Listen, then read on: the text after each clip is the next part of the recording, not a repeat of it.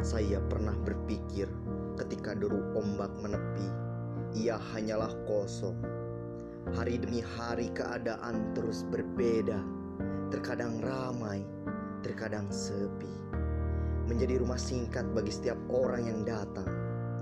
Berharap semua kepenatan yang ada akan hilang, tapi tidak sedikit yang menjadikannya sebagai rumah sepanjang masa menggantungkan hidup melalui semua yang ada di sekitarnya. Bagaikan sebuah harapan nyata dalam kehidupan. Samudra memiliki arti lebih dibanding hanya sebatas nama.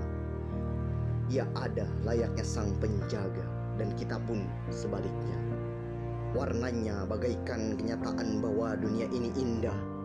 Tidak ada alasan bagi kita untuk menghapusnya.